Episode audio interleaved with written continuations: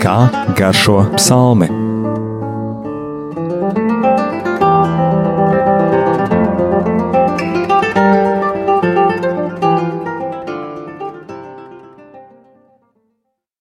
Slavēts Jēzus Kristus. mūžīgi mūžos slavēts Studijā Stela, un Anģela. ka turpināsim lasīt psalmus, tos, kuri ir, varētu teikt, tādi ciešanu psalmi, sauciens pēc palīdzības. Un šodien lasīsim 31. psalmu, kas krievu tulkojumā ir 30.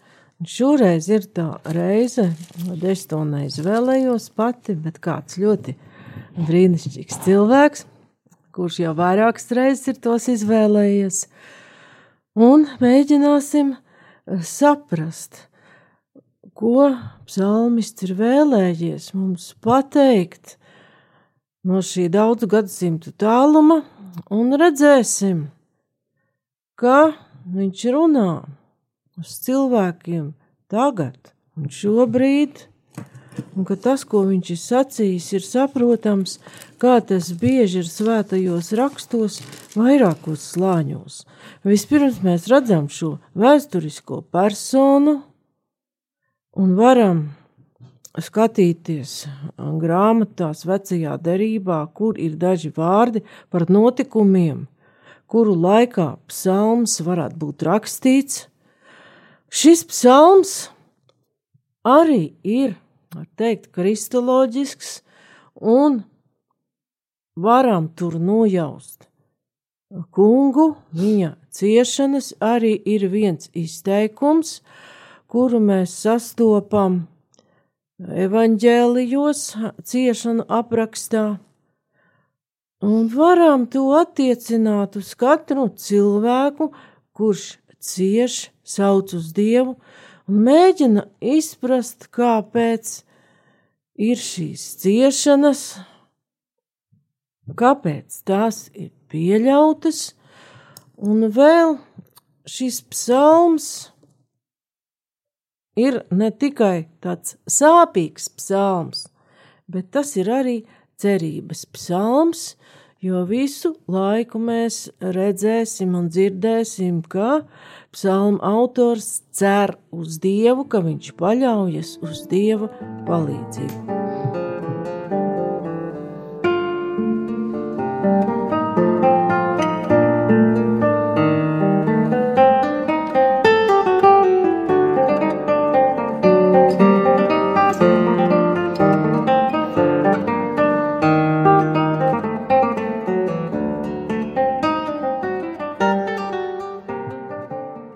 Psalms ir, varētu teikt, diezgan garš, pēc iepriekšējiem īsākiem.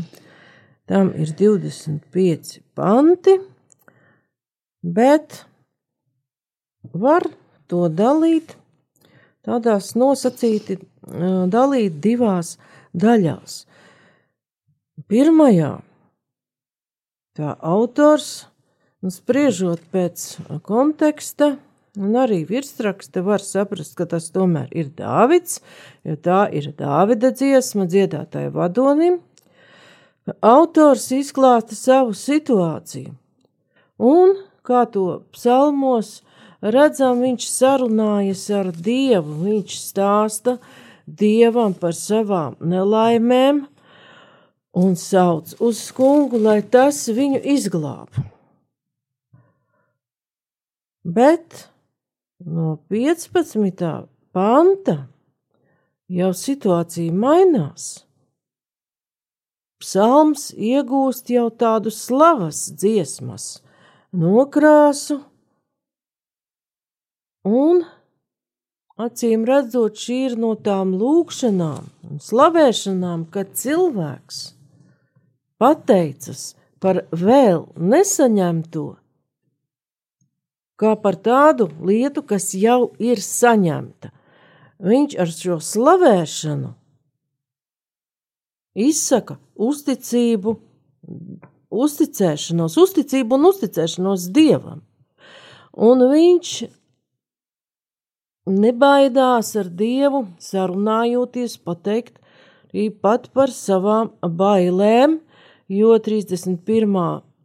psalma 23. pantā mēs pat lasām. Kaut gan ir jau šīs slavas dziesmas, lai slavēts, lai ir tas kungs, ka viņš man tik brīnišķīgi žēlojas kā stiprā pilsētā. Bet 23. it kā to eh, slavas dziesmu pārējoja, tās ir eh, parastās cilvēka šaubas, kas mūs piemeklē visus gan attiecībās ar Dievu, gan attiecībās ar citu cilvēku. Bet es domāju, savās bailēs es esmu atstumts no tavām acīm, bet tu uzklausīji man lūkšanas pilno saucienu, ar kuru es griezos pie tevis. Tātad divdaļīgs psalms, un mēģināsim saprast galvenās domas, kuras tā autors ķēniņš Dāvids ir vēlējies mums pateikt. Thank you.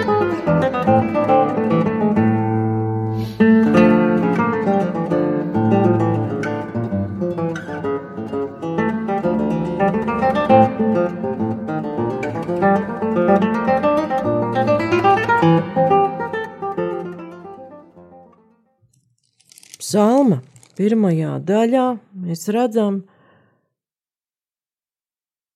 par ko uztraucas ķēniņš, kādas ir tās sāpes, tās nelaimes, kurās viņš ir iekļuvis. Varam saprast no, jau no pirmā panta, ka viņš ir nonācis kādā apkaunojošā situācijā, ka viņš tiek vajāts, kā pirmā pantā, ja otrā pantā mēs jau uzreiz lasām. Pie tevis, kungs, es patveros, neļauj man kaunā palikt mūžīgi. Un ir šis sauciens, lai kungs pievērš viņam savu ausi. Trešais pants - pievērs man savu ausi. Un jau daudzreiz esam runājuši, ka vai cilvēks atver savu ausi uz Dievu, un šeit tas ir dieva noliekšanās pie cilvēka, atvērt ausi, pievērst ausi, tas nozīmē pievērst pilnu uzmanību. Uzklausīt to, kurš sauc un viņam palīdzēt. Tālāk mēs varam saprast, ka pret Dāvidu ir kāda slepena sazvērestība, Kādi ļauni nodomi izvelc man no tīkla, kas slepeni izlikts pret mani.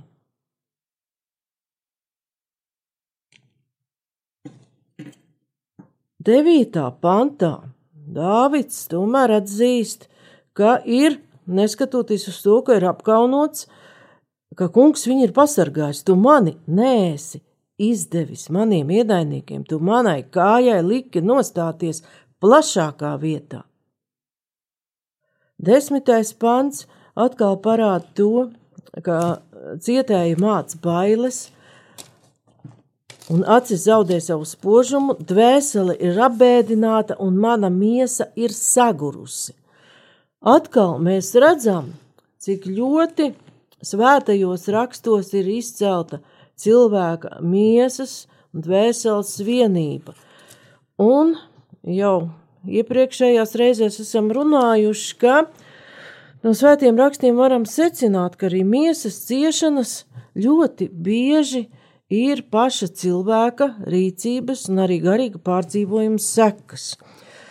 Un 11. pantā psalmists atzīst, jā, skumjās paiet mana dzīve, un mani gadi aizrit vienās nopūtās. Aiz bēdām manas paša vainas dēļ sabrūk mans spēks, un mani kauli izģinst, un tālāk atkal ir pieminēts šis apkaunojums un apsmieklis. Aiz ienaidnieku lielā pulka es esmu kļuvis par apkaunojumu, par biedēkli saviem kaimiņiem. Mani paziņas trūkstas, un kas mani satiek, bēg no manis. Es esmu zustins zudis ļaužu piemiņai kā mironis. Es esmu kļuvis kā sazdauzīts trauks. Es dzirdu, kā daudzi mani nievā, Kad tie kopā sarunājas pret mani, viņi tīko ņemt man manu dzīvību.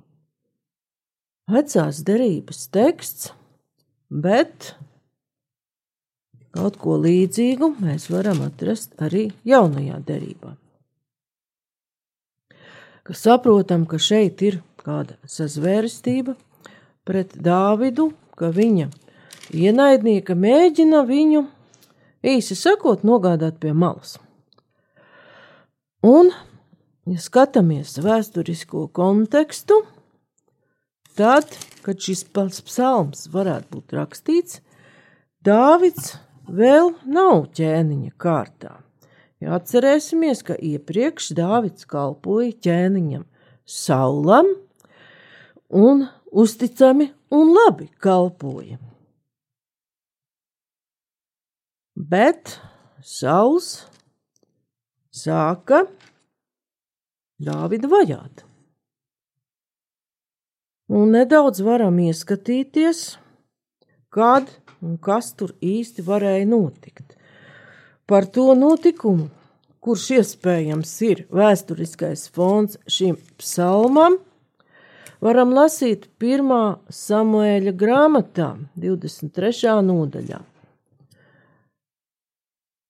ka Sauls vajā Dāvidu Zifas tuksnesī.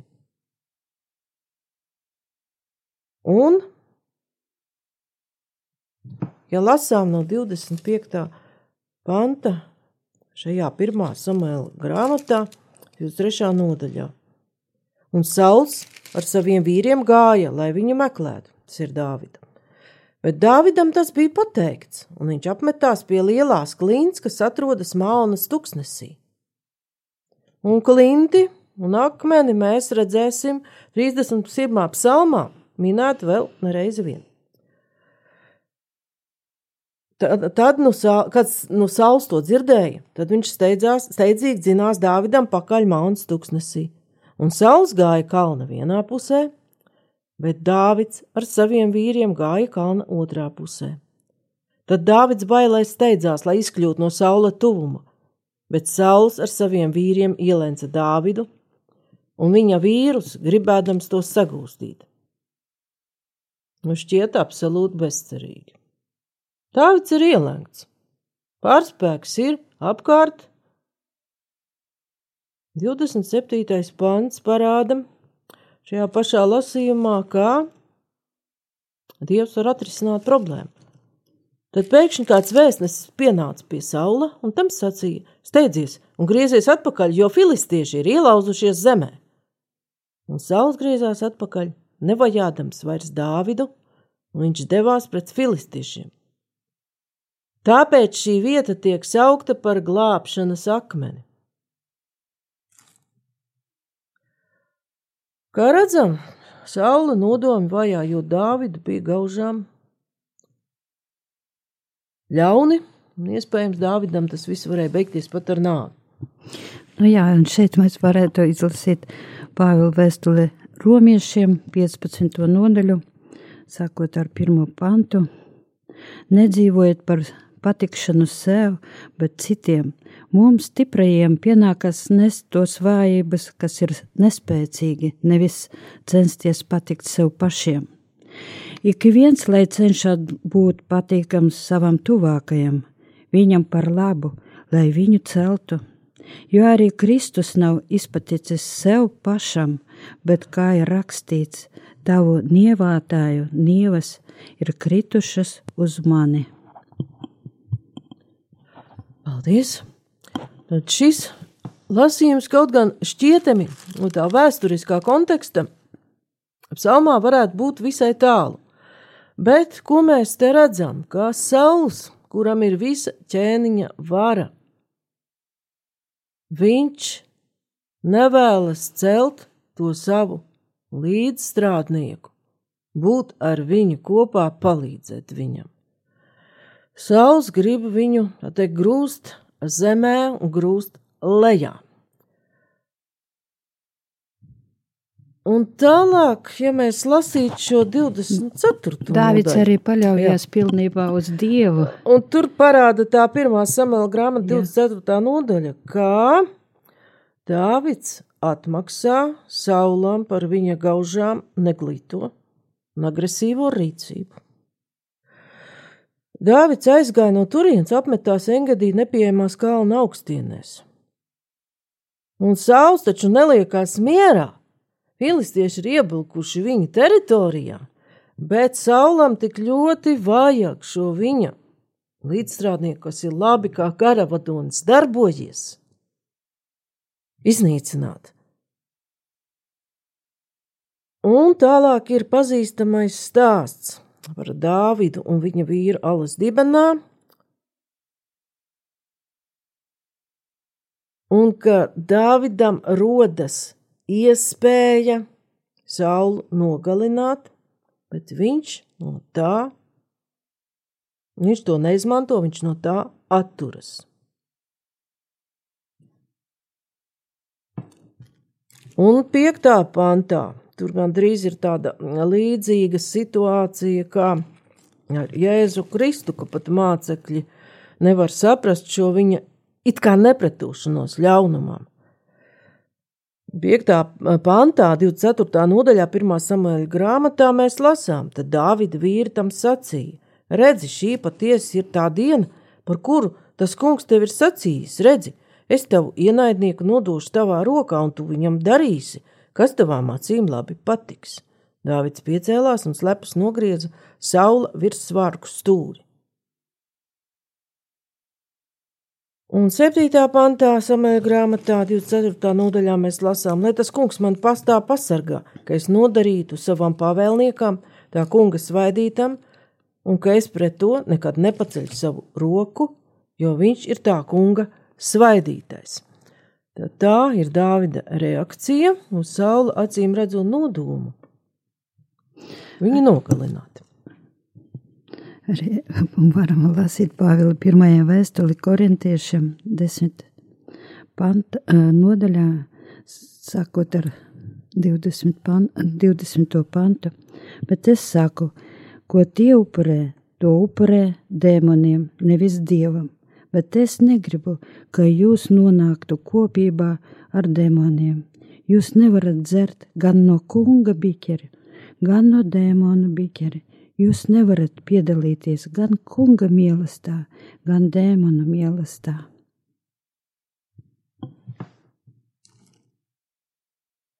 Un te ir, es varu teikt, tādā formā, Pāvils pateica par šo izšķiršanos.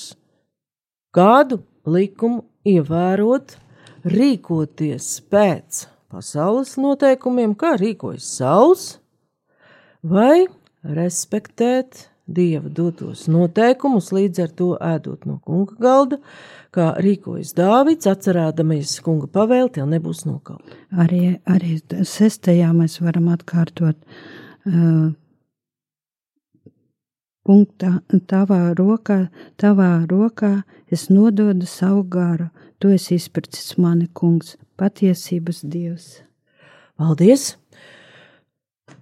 Un tas ir psalmā, sestais pants, tavā rokā es nododu savu garu, un šis ir acīm redzot cits tulkojums, jo man ir. Tu mani esi atpestījis, tu uzticīgais dievs tad atpestījis vai izpircis.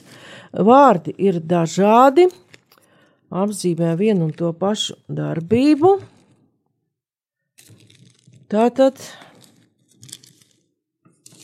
Dāvids tiek atpestīts no tās nelaimes, kas viņam ir, bet vai tas nozīmē, ka uzreiz tā nelaime tiek likvidēta un tā teikt, cels nolikts pie vietas? Un šeit mēs redzam šos vārdus Tavā rokā es nododu savu garu. Tos mēs varam lasīt arī citās svēto rakstu vietās. Kristus nav pie krusta. Jā, pilnīgi pareizi. Nedaudz tas ir jau arī 49. psalmā. 16. pantā, taču mana dvēsele atpestīs Dievs no pazemes varas, viņš mani ņems pie sevis. Bet Jēzus šos vārdus izrunā Lūkas evanģēlijā, 23. nodaļā.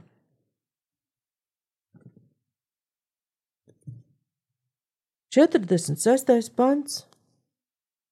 Un Jēzus sauca skaņā balsī: Tēvs, es nododu savu garu tavās rokās, un to sacījis viņš nomira. Citādā veidā mēs to varam redzēt arī pateiktu.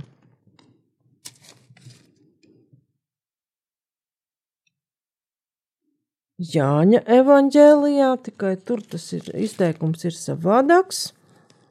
Pamēģināsim atrast.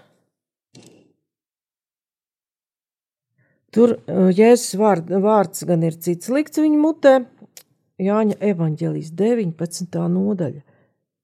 Etiķi ņēmis Jēzus sacīja, viss piepildīts, un galvu nokāris atdeva garu dievam. Tur Jānis tikai apraksta šo uh, Jēzus nāves brīdi. Arī Ilmais varētu pie šī sestā pantā izlasīt skaisto Ārona svētību.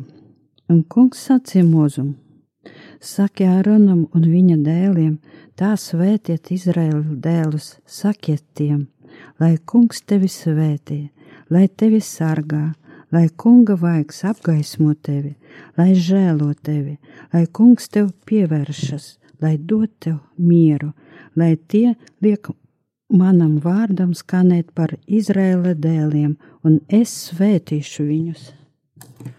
Paldies! Tad šo svētību var attiecināt arī uz šo cilvēku pāriešanu, unga valstībā, ka Dievs viņu pieņem pie sevis, un vēl mēs par šo gara atdošanu kungam varam izlasīt kādā notikumā, varbūt ir jau zināms apustuļu darbos. Jā, Stefan. Jā, Stefans, pilnīgi pareizi.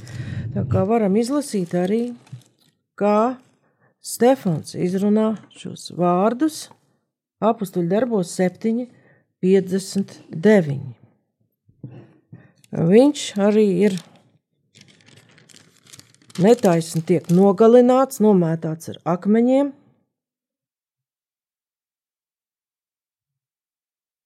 Un lasām, tie nomētāja akmeņiem Stefanu, kas sauc un sacīja: Kungs Jēzu, pieņem manu garu.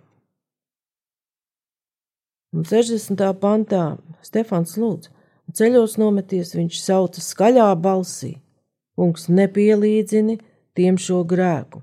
To sacīs viņš aizmiga, un šis vārds aizmiga jau norāda uz to, ka aizmigs taču ceļ, ceļš augšā vēlāk.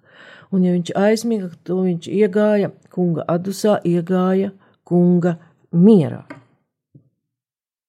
Un arī varētu jau skatīties, eh, arī dzirdēt par to, tiem brīnumiem, kurus Dievs darīja Izraēļa tautai, kad viņi, viņš izglāba viņus no eģiptiešiem. Tajā dienā kungs izglāba Izraēlu no eģiptiešu rokas, un Izraēls skatīja eģiptiešus beigtus jūras krastā. Izraels nu redzēja, ko kungs ar varenu roku bija darījis eģiptiešiem, un tauta bijās kunga, un viņa ticēja kungam un viņa kalpam mūzum. Paldies! Un šis fragments parāda, kā Dievs darbojas, izglābj no bezcerīgām situācijām, un mēs no tā varam taisnā ceļā nonākt pie ļoti svarīga vārda 31. psalmā, kad Dāvids sauc uz kungu, esi man par klinti, par stipru pili, kas man palīdz. Un ceturtais pāns atkārt ir paralēls un atkārto, tu esi mana klints un mana pils. Vadi un ved mani sava vārda dēļ. Tā tad tādi ļoti spēcīgi izteikumi, kas ļauj saprast gan dieva spēku, gan arī viņa palīdzību. Un tur atkal ir tas uh, tulkojuma moments. Krieviski mēs lasām tieši klints, varbūt nav, tur ir tverdiņa, tā tad stiprums, kaut kas tāds stiprs, neizkustināms, ļoti stabils. Un kas tad Krievu valodā ir tās pils vietā? Un šķiet, ka ir daudz precīzāk un daudz labāk apzīmē Dieva darbību. Dom pribežišķa, patvēruma nams. Un attālu paralēli jau iznāk pat arī attiecībā uz Kristu, no kurienes viņš nāk Betlēm, Betlehem, maizes, nams. Tur drusciņ cits konteksts, bet šeit Krievu valodā šī pils ir tulkots kā dompri bežišķi, tātad Dievs ir Dāvidam patvērums. Viņš ir gan tas stiprais akmens, klīns, uz kā balstīties, gan arī patvērums, kurš sargā viņu no ienaidniekiem. Jāatceramies, nu pat mēs pa Samuēlu grāmatu vēl ceļojām, ka tur Dāvids ir patvēries Allā, kur saules tiek nodots viņa rokās, Un, ja mēs izvērstāk lasīt šo notikumu, tur tā lieta bija ļoti cilvēciska un ļoti vienkārši. Sauls tur iegāja savās vajadzībās. Un tu tāda izdevība. Un vēl mēs redzējām arī, ka par šo akmeni un, un kunga stiprumu, kungu kā atbalstu, akmens ciet atbalstu bija runa arī šajā samajā grāmatas 23. nodaļā. Un arī varam lasīt eh, pēdējos pantus, mīliet kungu, jūs viņa taisnie, uzticīgos kungs sargā, bet ar uzviju atmaksā lielībniekiem.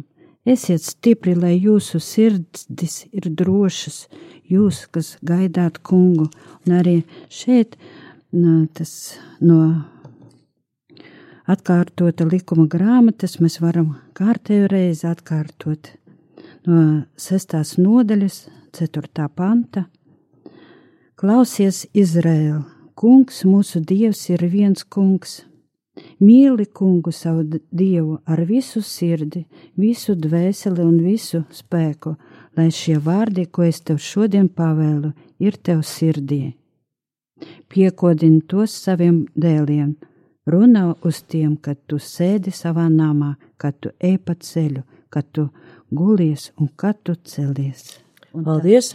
Nu, tad šeit jau, jau ir solis uz priekšu, gandrīz jau līdz pašām psalmu beigām, jo 24. pantā arī ķēniņš Dāvids aicina mīliet to kungu, jūs visi viņa svētie, jo tas kungs ir uzticīgs un pasargā sev uzticīgos. Bet kā viņš nonāk līdz šai slavas dziesmai, un kā tur bija ar to klinti un to patvēruma namu. Klints ir redzama jau izceļošanas grāmatā. Liekas, atceramies to notikumu, kas tur bija. Nu, laikam, deva dzert klints Jā, mums. pilnīgi pareizi. Protams, mēs tur varam jau izdze, iz, izvērst pa plestīšanas klinti un kristības ūdeņiem, bet notikums tāds ļoti skaidrs un vienkāršs tauta pēc ūdens izslāpusi, kurnēja. Tad Mozus ir ļoti nepatīkamā situācijā un nezinu vispār, ko iesākt. Kāpēc tu mūs esi izvedis no Ēģiptes? Vai lai mēs mirtu aiz slāpēm, mēs un mūsu bērni un mūsu lopi? Un ko tam Mozus dara?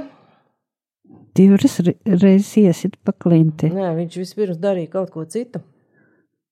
To pašu, ko Dāvids dara 31. psalmā.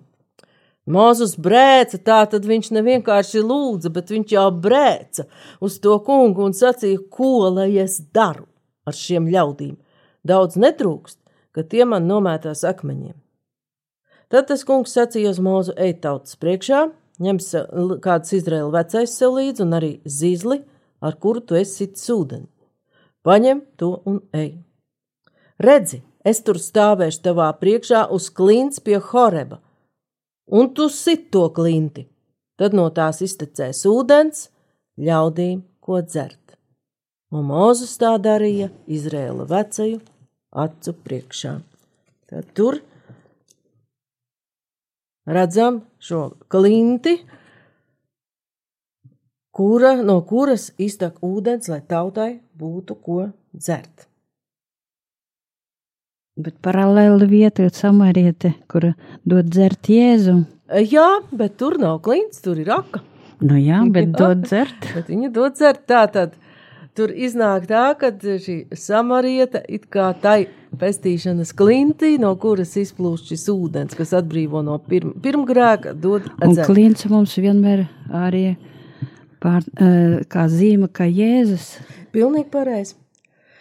Vispirms varam nedaudz i- e, ieskatīties arī sakām grāmatā. Tur arī ir e, tāds interesants brīdis, ka ir klints minēta, bet mazliet citā kontekstā. Un arī À, pat ne klints, bet stipra pils. Un kā būtu krievu valodā, būtu interesanti redzēt. Un šeit ir, kā Lutāņu tulkojumā, Salamana pamācības, 18. nodaļa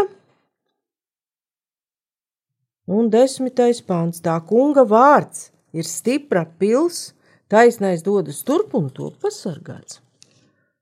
Un tālāk jau mēs varam iet uz jauno derību, kā Anžela teica. ka Jēzus pats ir klints un Mateja evaņģēlijā 16. nodaļā, 18. mātā mēs lasītu mazliet citādāk, ka Jēzus šo varu nodot Pēterim, tu esi Pēteris klints, uz kuras celšu savu draudzi. Tātad atkal nedaudz savādāks konteksts, bet jā, Jēzus reizi vien ir atzīts ne tieši ar klints vārdu, bet tas stūrakmens, kas satur celtni kopā. Un varam palasīt par to jaunajā derībā mazliet vairāk.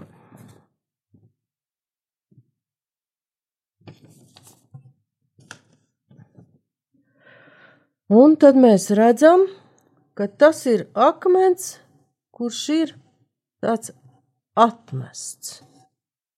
Marka evanģēlijas, piemēram, 12. nodaļa.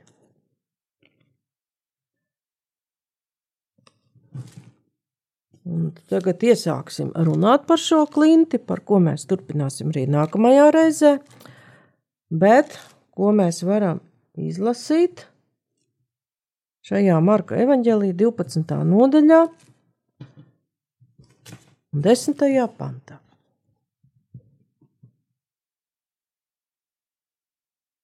Vai jūs šo vārdu nesat lasījuši? Tas akmens, ko nama cēlēji atmetuši, ir kļuvis par stūra akmeni. Tā tad te ir jau norādījums uz to, Jēzus tiks atmests uz šo viņa nokāpšanu, atmešanu. Viņš tiks nodots, bet viņš tomēr kļūs par to, kas vēlāk ir šis stūrakmens, kas slēgakmens, satur visu celtni kopā. Kā šoreiz Baznīca. Jā, tā ir baznīca, bet, lai šo tēmu izvērstu vairāk, šajā raidījumā mums vairāk laika nav, un tāpēc šo psalmu, kas ir tik bagāts saturā, mēs turpināsim lasīt nākamajā nedēļā, vēl vairāk iedziļinoties tekstos, kas runā par šo akmeni un kur mēs varam saskatīt Jēzu, un arī pievērsīsimies, kā jaunās derības kontekstā mēs varam izlasīt šos psalmista vārdus, ka viņš ir nodots un ka tīko pat ņemt viņa dzīvību. Bet šoreiz paldies par uzmanību. Studijā bija Stela. Un Anģela. thank you